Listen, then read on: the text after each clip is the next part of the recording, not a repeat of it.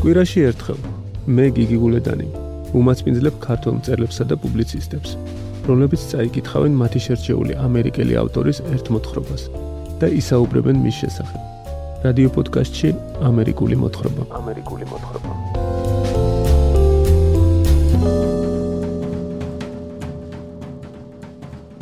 დღეს ამერიკული მოთხრობის 25-ე ეპიზოდში თქვენ მოისმენთ ჯონ სტეინბეკის მოთხრობას გველი, რომელიც თარგმნა ციცო ხოცუაშვილმა. მოთხრობა 2011 წელს ამერიკული მოთხრობების კრებულში ამერიკის საელჩოს თარგმნის პროგრამის ფარგლებში დაბეჭდა სულაკაურის გამომცემლობამ.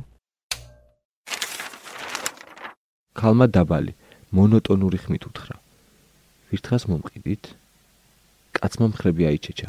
მესმის გინდა თუ უყუროთ როგორ ჭამს ჩხრიალა გველი. კი ბატონო, გაჩვენებთ, ვირთხა 25 ცენტი ეღირება. ერთი მხრივ კორიდაზე უკეთესი საყურებელია, მეორე მხრივ კი გველის ადილობს, სხვა არაფერი. ხმაში გესლი შეერია. ვერიტანდა ისეთ ხალხს, ვისთვისაც ბუნებრივი პროცესები გართობის სახეობა იყო. დღევანდელი ეპიზოდისთვის ჯონ სტენბეკის გველი შეარჩია მსახიობმა და ავტორმა თემო რეხვიაშვილმა. თემო რეხვიაშვილის ციგნი კურიერის ამბები, რომელიც სულაკაურის გამოცემლობამ გამოსცა 2022 წელს მიიღო საბას პრემია საუკეთესო დებიუტის კატეგორიაში. გამარჯობა თემო. გამარჯობა. მოთხრობა გველი სტენბეკმა 1935 წელს გამოაქვეყნა მონტერეის ერთ-ერთ ადგილობრივ გაზეთში. ის თავდაპირველად ძალიან ნეგატიურად მიიღეს. მათ შორის თავისივე აგენტმა, რომელმაც ხელნაწერი უკან დაუბრუნა. და შემდეგაც როცა გველი დიდ გამოცემებში დაიბეჭდა, სტეინბეკი სულ იღებდა აღშფოთებული მკითხველების წელებს ამ მოთხრობის გამო. როგორ ფიქრობ, რატომ ქონდა ბევრი ადამიანს ასეთი უარყოფითი რეაქცია ამ მოთხრობაზე? აა, ჩემთვის გასაგებია, რატომაც შეიძლება ქონოდა უარყოფითი რეაქცია. პირველ რიგში ცხოველებთან დამოკიდებულების გამო ხო რომ კატას აწამებს დავიდან მე რაღაც გაზის კამერაში კლავს გაზის კამერაში კლავს ნუ არ აწამებს ეგ მეც გამიჩნდა რომ მეთქი რა რასაკეთებს რასაკეთებს რატო აკეთებს და ამიტომ მესმის აბსოლუტურად რომ ეგეთი წერილებიც მიიღო რომ შემზარავია წასაკითხად ესე ვთქვა რაღაც მომენტებში მოდი მოვისმინოთ მოთხრობა და შემდეგ გამოვზოთ საუბარი კონუსმენტ რადიო პოდკასტს ამერიკული მოთხრობა. პროექტის რეგიონული პარტნიორები არიან: რადიო მარნეული, ინოცმინდის სათემო რადიო ნორი, ახალციხის რადიო სამხრეთის კარიბჭე და ქუთაისის რადიო ძველი ქალაქი. პროექტი ხორციელდება საქართველოსი ამერიკის საელჩოს მხარდაჭერით.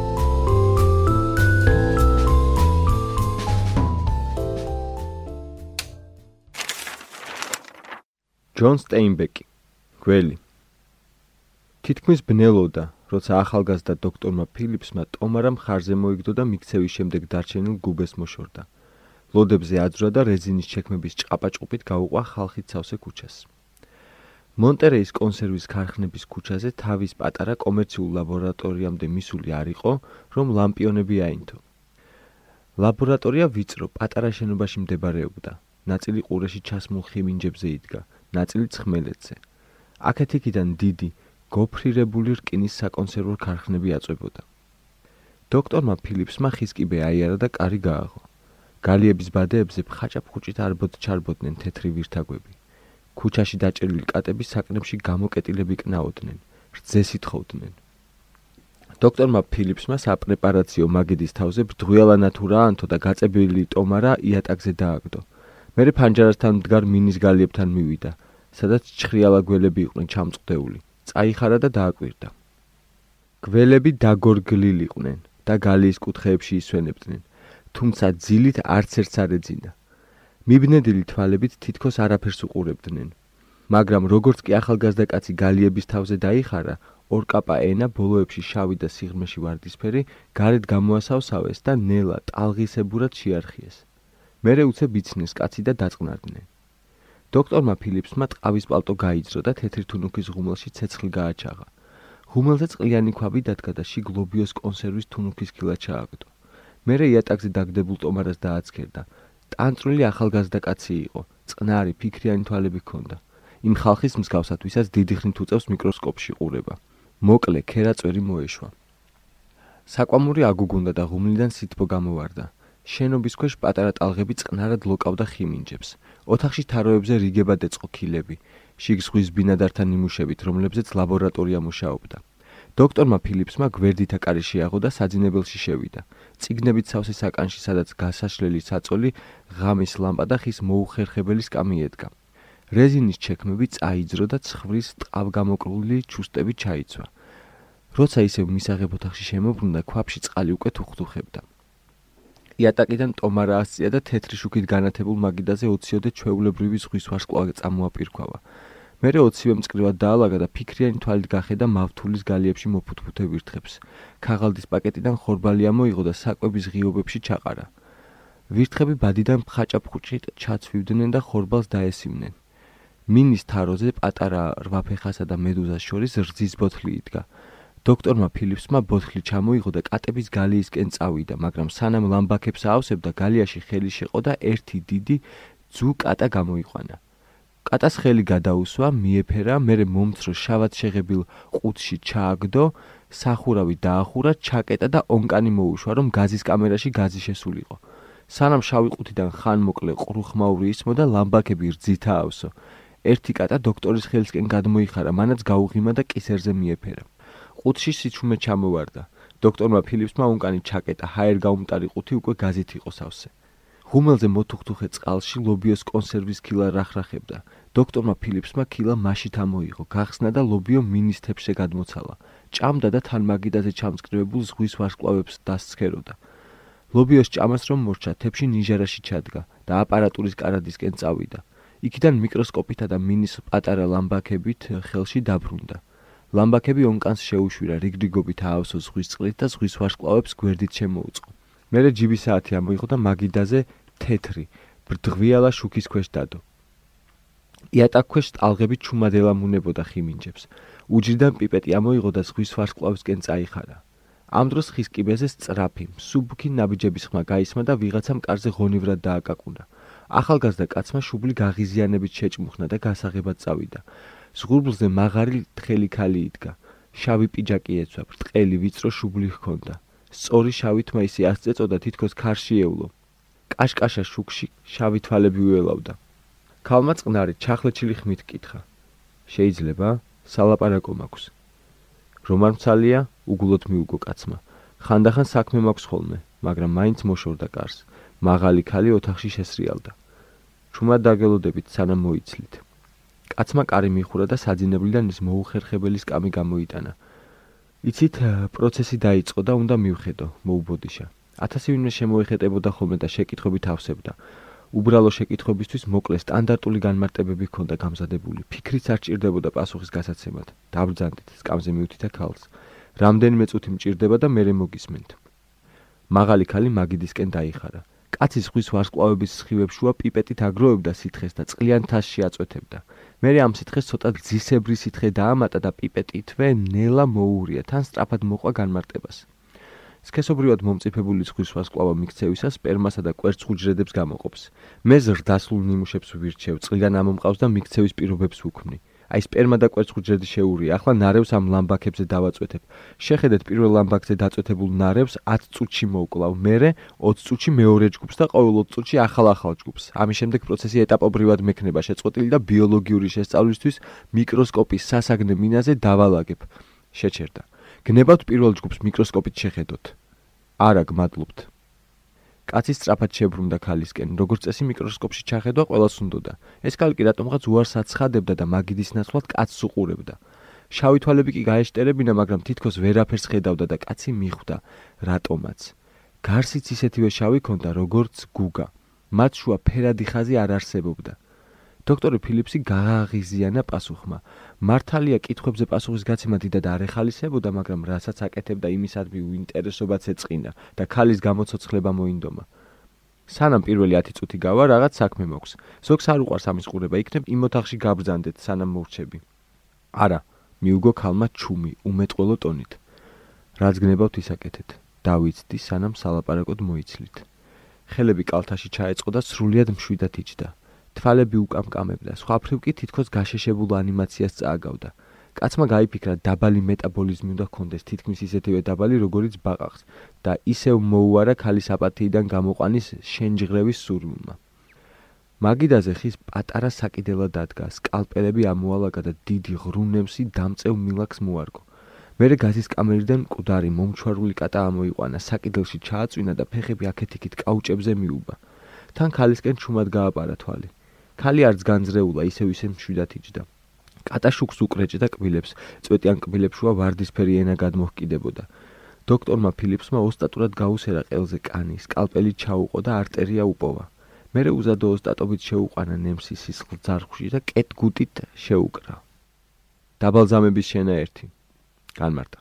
ამ ყვითელ მასას ვენურ სისტემაში შეუყვან, წითელს არტერიულში. ამით სისხლის მიმოქცევა უნდა შეევისწავლო, ბიოლოგიის გაკვეთილია. ისევ მიხედა. ქალს შავი თვალები თითქოს დამტვეროდა, უმეტყველოდ უყურებდა კატის გადახსნილ ყელს. ჭრილობიდან წვეთი სისხლი არ გადმოღრილა, გაკვეთა სუფთად გაკეთდა. დოქტორმა ფილიპსმა საათს დახედა. პირველი ჯგუფის დროა, გამოაცხადა და პირველ ლამბაქზე მენთოლის რამდენიმე კრისტალი დააგდო. ქალის ასეთი რეაქციობა ანერვიულებდა. ვირთხები ისევ ავიდნენ გალის ბადეზე და აწრიპინდნენ. შენობის ქვეშ ტალღები ნელა მიეახლა ხიმინჯებს. ახალგაზრდა კაცს შეაძაგძაგა, ღუმელში ქვანახშირის ნატეხები შეყარა და დაჯდა. ახლა კი, თქვა, 20 წუთი საქმე არაფერი მოქვს. შეამშნია სტუმარს ძალიან მოკლე ნიკაპი ჰქონდა. ქალი თითქოს ნელა იღვიძებდა, ღრმა ფიქრებიდან გამოდიოდა. თავი ასწია, მუქი დაბინდული თვალები ოთახს მოავლო და მე ისევ კაცს მიაშტერდა. გელოდებოდით, უთხრა. ხელები ისევ მიტყუპებული ელაგა კალთაში. გველები ყავთ? დიახ, ყავს, ხმამაღლა მოვიდა კაც. 20-მდე ჩხრიალა გველი, შხამს ვაცლი და შრატის დასამზადებლად ვუგზავნი ლაბორატორიებს. ქალი ისევ კაცს უყურებდა, მაგრამ რაღაც უცნაურად შეცქეროდა. თითქოს მთლიანად ხვებდა მზერაში და კაცის გარშემო დიდ წრესაც ხედავდა. მამალი თუ ყავთ, მამალი ჩხრიალა გველი. იცით, შემთხვევით გავიგე რომ ყავს. ერთ დილას მოვედი და დავინახე დიდი გველი მომცროს უჯვარდებოდა. ტყვეობაში ეს ძალზე იშვიათად ხდება. ერთი სიტყვით ნამდვილად ვიცი რომ მამალი გველი მყავს. სად არის? აი იმ მინის ყუთში, ფანჯარასთან. ქალმა ნელა მიატრიალა თავი, მაგრამ ხელები არ გაუნძრევია. მე ისევ კაცს მოუბრუნდა. შეიძლება ვნახო. კაცი ადგა და ფანჯარასთან მდგარ ყუთთან მივიდა. ქვიშიან ფსკერზე ერთმანეთს გადახლართული გველები დაგორგლილიყვნენ. კაცის დანახვისთანავე ენა გამოყვეს და აასავსავეს. ნელა შეარხიეს, რომ ჰაერის თრთოლა შეეგრძნოთ. დოქტორმა ფილიპსმა ნერვულად მიაბრუნა თავი. ქალი გვერდით ედგა, არა და არ გაუგონია სკამიდან როგორ წამოდგა. მხოლოდ ხიმინჯებზე წყლის ტყაშუნი ესმოდა და მავთულის ბადეზე ვირთხების ფხოჭნა.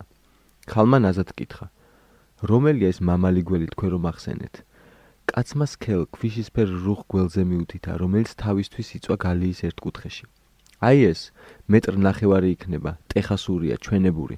წყნარი ოკეანის სანაპიროს გველები უფრო მომცრონი არიან. ვირთხებსაც სულ ეგ ჭამდა, როცა დანარჩენების გამოყვება მინდა, ეგ გამომყავს ხოლმე. ქალი ბლაკო მშრალ თავს დააშტერდა. ორკაპაინა გამოსხლტა და ერთი გრძელი წამის განმავლობაში სავსავებდა. ზუსტად იცით რომ მამალია ხომ? ყველა ჩხრიალა გველი თავისებურია, სერიოზულად უთხრა კაცმა. განზოგადება თითქმის არასოდეს ხერ ხდება. ჩხრიალა გველებზე გადაჭრით ვერაფერს ვიტყვი, მაგრამ ეგ დიახ, გაწმუნებთ მამალია. ქალს ბრტყელი თავისთვის თვალი არ მოუშორებია. მომყიდით? მოყიდით? გაუცდა კაცი. როგორ თუ მოყიდით? ნიმუშებს ხომ ყიდით? კი, დიახ, როგორ არა ვყიდი ხოლმე. რამდენი უნდა? 5 დოლარი? 10? უჰ, 5 მეტი არა, მაგრამ იცნობთ კი ჩხრიალა გველებს, ვაი თუ გიკბინოთ. ქალმა წამიერად შეხედა. არ მიმყავს. აქ დავტოვებ. თავარია ვიცოდე რომ ჩემია. მინდა მოვიდე ხოლმე, დავხედო, ვაჭამო. პატარა საფულე გახსნა და 5 დოლარიანი ამოიღო. აი ახლა ჩემია. დოქტორი ფილიპსი დაფრთხა. ისედაც მოდით ხოლმე და ნახეთ ყიდვა რა საჭიროა. ჩემი მინდა იყოს. ღმერთო, წამოიძახა კაცმა. დრო დამავიწყდა. მაგიდასთან მიირბინა. სამი წუთი გადასცდა არაუშავს და მეორე ლამბაქზე დაყარა მენთოლის კრისტალები. მერე ისევ ყუთისკენ გაუწია გულმა. ყუთთან ქალი ისევ გაუნძრევლად იდგა და გველს დაშტერებოდა. რა სჭამს? კითხა ქალმა კაცს. თეთრ ვირთხებს ვაჭმევ, აი იმ გალიაში რომ ვირთხებია იმათ. მეორე გალიაში გადასვით რა მინდა ვაჭამო. რომა სჭირდება? ამ კვირაში უკვე შეჭამა ერთი. ზოგჯერ 3-4 თვეობით არ ჭამენ. ერთი მყავდა წელიწადზე მეთხანს არ უჭამია. ქალმა დაბალი, მონოტონური ხმით უთხრა. ვირთხას მომყიდით? კაცმა მხრები აიჩეჩა. მესმის გინდა თუ უყუროთ როგორ ჭამს ჩხრიალა გველი. კი ბატონო, გაჩვენებთ, ვირთხა 25 ცენტი ეღირება.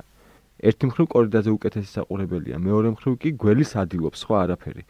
ხმაში გესლი შეერია. ვერიტანდა ისეთ ხალხს, ვისთვისაც ბუნებრივი პროცესები გართობის სახეობა იყო. თვითონ ბიოლოგი იყო და ცოდნისთვის ათასობით ცხოველს დახოცავდა სიამოვნებისთვის კი ერთ მწერსაც არა. ამაზე არაერთხელ უფიქრია. ქალმა ნელა მოატრიალა თავი და ტუჩებზე თითქოს ღიმილი გამოესახა. ჩემს გველს მინდა ვაჭამო, უთხრა. მე თვითონ გადავსვა იმ ყუთში და სანამ კაცი რამეს მოისაზრებდა, ყუთს სახურავი ახადა და ხელი ჩაყო. კაცმა ისკუპა, ქალს ეცა და უკან გამოკაჩა. სახურავი ბრახუნით დაიხურა. ჭკუა არა გაქვთ?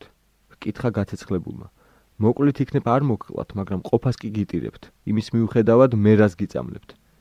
მას თქვენ გადასვით, წყნარად უთხრა ქალმა. დოქტორი ფილიპსი გაუგნდა. მიხვდა რომ გაურბოდა იმ შავთვალებს, რომლებიც თითქოს არაფერს უყურებდა. გრძნობდა ვირთხის ჩასმაყუთში ყოვლად მცდარი, ცოდვილი საქციელი იყო. ოღონდ ვერ ხვდებოდა რატომ. ვირთხები ხშირად ჩაუსვამს გველების ყუთში, როცა ვინმე სამის ნახვა მოსდომებია, მაგრამ ამ ქალის სურვილმა რატომღაც გული აურია. შეეცა და აეხსნა. კარგი სანახავია, უთხრა ქალს. ნახავთ როგორ მუშაობს გველი. ეს ჩხრიალა გველის პატივისცემას აღგიძრავთ. რამდენ სესიზმრება კოშმარები ვითომ გველი კლავს.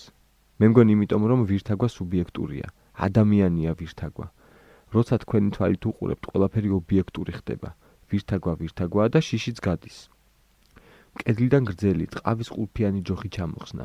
ყუთი გააღო, ყულფი დიდგველს თავზე გადააცვა და თასმას მოუჭირა. ოთახი გამგმირავმა, შრალმა ჩხრიალმა აავსო. სანამ ყუთიდან ამოყავდა სქელის ხეული, იკლაკნებოდა და ჯოხის ტარს ეხეთქებოდა. კაცმა გველი საკვებ ყუთში ჩააგდო. ისიც ერთხანს დარტყმისთვის გამზადებული წამომართულიყო, მაგრამ მერე ჩხრიალი თანდათან მიწყნარდა. გველი კუთხეში დაეხვა, სხეულით დიდი რვიანი მოხაზა და აღარ განძრეულა. ხომ ხედავთ, აუხსნა ახალგაზრდა კაცმა.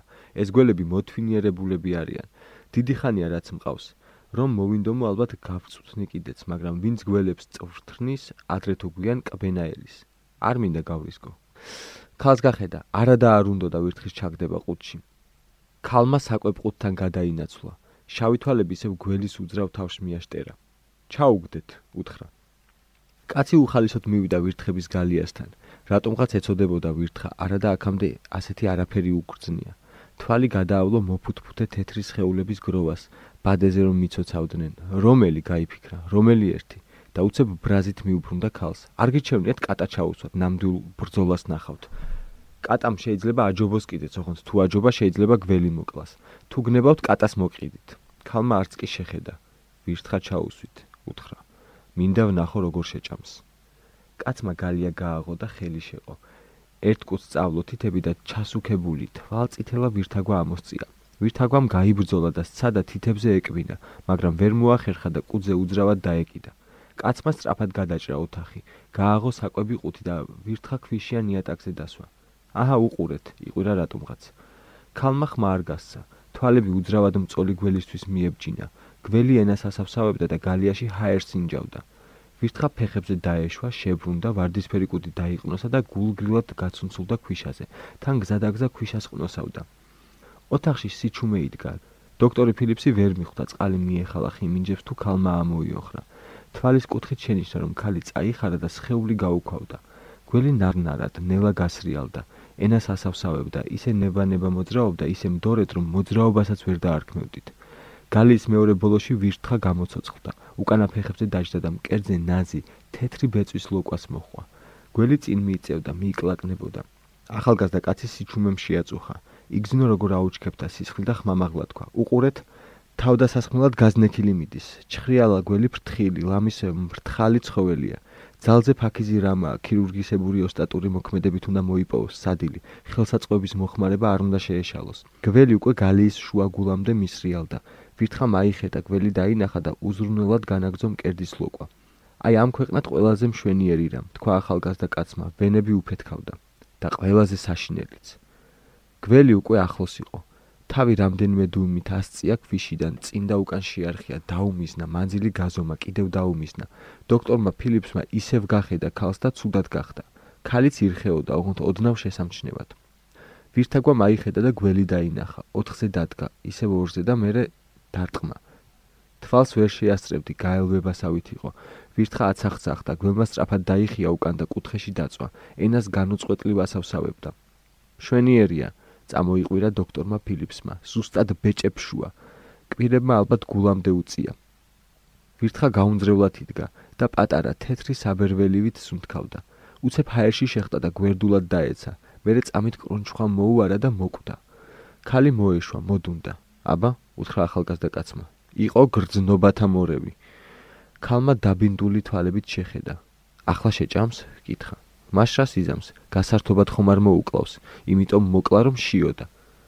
ქალ შეუმჩნევლად გაეღიმა, მერე გველს დახედა. მინდა ვნახო როგორ შეჭამს. გველი ისევ გამოსრიალდა კუთხიდან. კისერი თავდასასხმელად აღარ ქონდა აღერილი, მაგრამ ვირთხას მაინც სიფთხილით უახლოვდებოდა. მზად იყო უკანეს კვა თუ კი ის შეუტევდა. მსხვერპლს ხელზე ნელას წაკრა, ბლაგვი ცხვირდა და დააკვირდა. რაკი დარწმუნდა რომ მკვდარი იყო ნიკაპით მთელს ხელს შეეხო თავიდან კუდამდე თითქოს გაზომა და დაკოცნაო. ბოლოს პირი დააღო და კუთხეებში ყბები გაწელა. დოქტორმა ფილიპსმა თავს ზალა დაატანა რომ როგორმე ქალისკენ არ შებრუნებულიყო და გაიფიქრა. თუ თვითონაც პირს აღებს გული გამისკდება. მოახერხა და არ გაუხედავს. გველმა ყბებში მოიქცია ვირთხის თავი და ნელი რხევით შეუდგა ჩაყლაპყვას ყბები მოუჭირა მთელი ყელი აუთახთახთა და ისევ მოუჭირა ყბები დოქტორი ფილიპსი შებრუნდა და სამუშაო მაგიდასთან მივიდა. ერთი სერია გამომატოვებინეთ, წარეთ თქვა. სრული კომპლექტი არ გამოვა. ერთი ლამბაკი სუსტი მიკროსკოპის ქვეშ დადო და ჩახედა. მერე ნიჟარაში ბრაზით ჩააპირქვავა ყველა ლამბაკი. ტალღები ისე მინელდა რომ მიატაკიდან ჩურჩულის ხმასავით გაისმოდა. ახალგაზრდა კაცმა ფეხებთან ლუკი ახატა და ზღვის ვარსკვლავები შიგ წყალში მოისროლა. მერე კატასთან გაჩერდა ჯვარცმულივით რომ იწვა და კომიკურად უცინოდა ნათურას. სხეული საბალზამო სითხით გაბერვოდა. ჩაკეტა დამწნევი მილაკი, ამოაძრო ნემსი და ვენა შეუხვია. ყავას ხომ არინებებთ? კითხა ქალს. არა გმადლობთ, ცოტაც და წავალ. კაცი ქალს მიუახლოვდა, გველს ვირთხა ჩაეყლაპა. პირიდან ერთი დუიმი ვარდისფერი კუდიღა მოუჩანდა, თითქოს დამცინავად გამოუყვია ენაო. ყბებით კაცუნით დაუბრუნდა ბუდეებს და გველი მძიმედ გახოხდა კუთხეში. დიდი რვიანივით მოირკალა და თავი ქვიშაზე დადო. დაეძინა, თქვა ქალმა. მეც წავალ. მაგრამ შემოვივლი ხოლმე და ჩემს გველს დავაპურებ. ვირთხების ფას გადაგიხდით. მინდა ჩემს გველს ბევრი ყავდეს. ხანდახან წავიყვან კიდეც. თვალებიდან წამით გადაიყარა უცნების ბინდი. გახსოვდეთ, ჩემია, შხამი არ ამოაცალოთ, გქონდეს. კარგად ბრძანდებოდეთ. სტრაფად წავიდა კარისკენ და გავიდა. კაცს ესმოდა როგორ ჩადიოდა კიბეზე, მაგრამ ტროტუარზე როგორ გაიარა აღარ გაუგონია. დოქტორმა ფილიპსმა სკამი შეატრიალა და გველის გალის წინ დაჯდა. შეეცადა მიძინებული გველის ქერაში ფიქრები დაელაგებინა. მეტის მეტი მომივიდა ფსიქოლოგიურ სექსუალური სიმბოლოების ამბების კითხვა. გაიფიქრა. მაგით რას ახსნი? იქნებ თლად მარტო სული ვარ და ამის ბრალია. ხომ არ მოვკლა ეს გველი? რომ მაწოდინა. არა, მე ვერავის ვერაფერს შევეხვეწები. რამდენიმე კვირას ელოდა ქალის მოსვლას. როცა მოვა, გავალ და მარტო დავტოვებ, გადაწყვიტა. ამ მოხრობას მეორედ რა მაყურებინებს? ქალი აღარ მოსულა. რამდენიმე თვის განმავლობაში, როცა კაცი ქალაქში გადიოდა ხოლმე, დაეძებდა. რამდენჯერმე ქუჩაში მაღალ ქალს აედევნა კიდეც იქნებ ის იყოსო, მაგრამ აღარ უნახავს აღარასოდეს. კონუსმენტ რადიო პოდკასტს ამერიკული მოთხრობა. პროექტის რეგიონული პარტნიორები არიან: რადიო მარნეული, ინოცმინდის სათემო რადიო ნორი, ახალციხის რადიო სამხრეთის კარიბჭე და ქუთაისის რადიო ძველი ქალაქი. პროექტი ხორციელდება საქართველოსი ამერიკის საელჩოს მხარდაჭერით.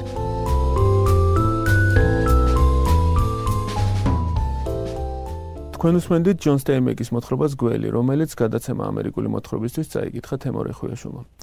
თემო სტეინბეკის ამოთხრობის წარმოშობასთან დაკავშირებით ბევრი ვერსია არსებობს, მაგრამ თვითონ სტეინბეკის თქმით, მან უბრალოდ აღწერა ერთი უცნაური ამბავი, რომელიც მისი მეგობრის ედრიკეცის ლაბორატორიაში რეალურად მოხდა. მაგრამ ამასთანავე ამბობდა რომ არ იცოდა რას ნიშნავდა ეს ამბავი. მეორე უკვე მკითხველისა და კრიტიკოსების ვერსიაა რომ აქ საქმე გოს სიმბოლოებთან ამ მოთხრობაში. შენი აზრით აქვს თუ არა ნიშნულობა ამ ყველაფერს მოთხრობის წაკითხვაში და როგორ ფიქრობ რა დგას ამ მოთხრობის უკან? ჩემს საერთოდ შეიძლება ბევრი რამე იდგეს. ამ მოთხრობის უკან, მაგრამ ის რის გამოც ეს მოთხრობა მომეწონა და ავარჩიე ამ მეცნიერის აი რაღაცნაირად გადასხვაფერდა ის ქალი რო წავიდა.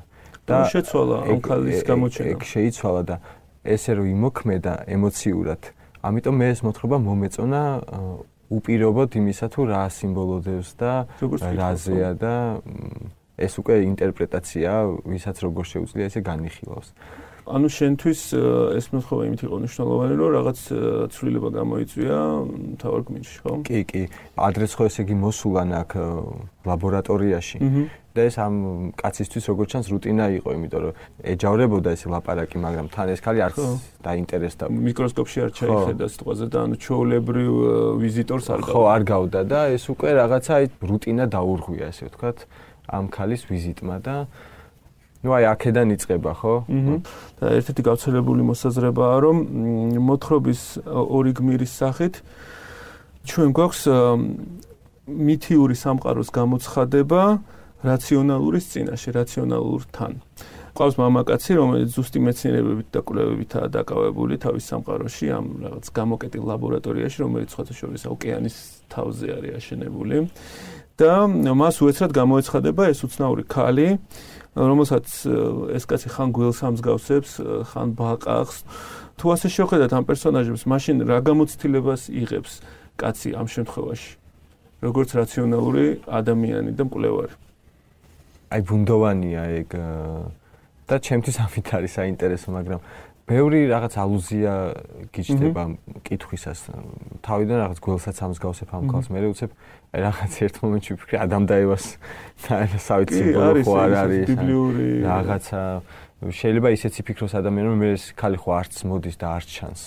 შეიძლება იმ მომენტში ამ კაცის წარმოსახვაც ყოფილიყო და თვითონ აი ეს თაგვი თვითონ ჩააგდო ამ გველთან რომ გართობილიყო და რაღაც მორალურად ვიღაც წარმოსახულ ადამიანს გადააბარა. ანუ ეს ბევრი ინტერპრეტაცია შეიძლება, მაგრამ უფრო აი რაღაც ემოციურ ემოციურ ხასმი ემოციურ ხასმი ვყვები. მარტო ამბავი არ არის რა, მნიშვნელოვანია. ყველაფერი ლაპარაკობს, აი განწყობა, ატმოსფერო, მგონია რომ წერალიც მაგას ცდილობს ამ მოთხრობაში, რომ უფრო ატმოსფერული იყოს ეს ყველაფერი და ამ რაღაც სამყაროში შეგვიყვანოს. თუმცა იქ რაც მოხდა მნიშვნელოვანია და სხვადასხვანაირად შეიძლება იყოს. რა თქმა უნდა და მამაკაცის მაგალითად დამოკიდებულება ცხოველების მიმართ ლაბორატორიაში. ხო ერთის ხრი რაღაც სრულად ცივსისხლიანად გუდავს კატას იმ გაზის კამერაში. მეორე ხრი ძალიან თბილად ეპყრობა ხო? ყურადღებას იჩენს ამ გველების მიმართ როდის შეათ, როდის არ შეათ, ყველაფერს ითვალისწინებს, ტყუილ უბრალოდ არ უყვარს თაგვების გაწირვა გართობისთვის უბრალოდ, ხო და რა შეიძლება თქვა მამაკაცზე მისი დამოკიდებულებიდან გამომდინარე ცხოველების მიმართ. ხო, აი შეიძლება ესე იგი ეს კაცი ცივსისხლიანად კლავს კატას. აა მაგრამ ამას ამართლებს მეცნიერული ინტერესებიდან გამომდინარე და მეორე მხრივ ადამიანს რომელსაც გართობა უნდა ის ეზიზღება რა შეხედვას არ უნდა და თავისი საქციელთაც დამნაშავედ თუმს ალბათ თავს რომ ეს ამის საშუალება მისცა.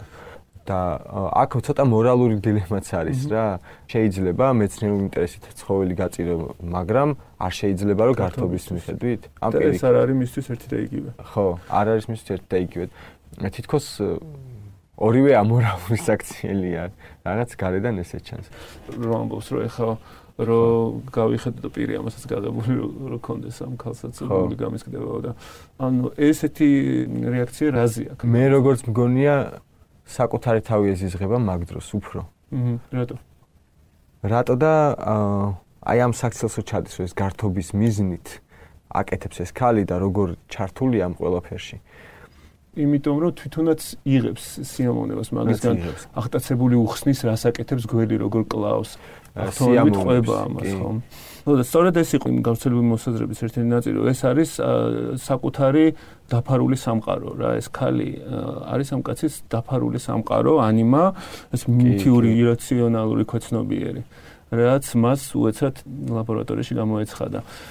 პრინციპში ვერაფერს ცulis ხო იმიტომ რომ ეძებს ამ ქალს მე რა ქუჩაში ვიღაცებს გამოვეკიდება რომ იპოვოს. ვითომ ეზიზღებოდა მაგრამ სინამდვილეში მაინც ეძებს ისე მასთან და თან ელოდება რამდენიმე კვირა რომ ეს დაბრუნდეს.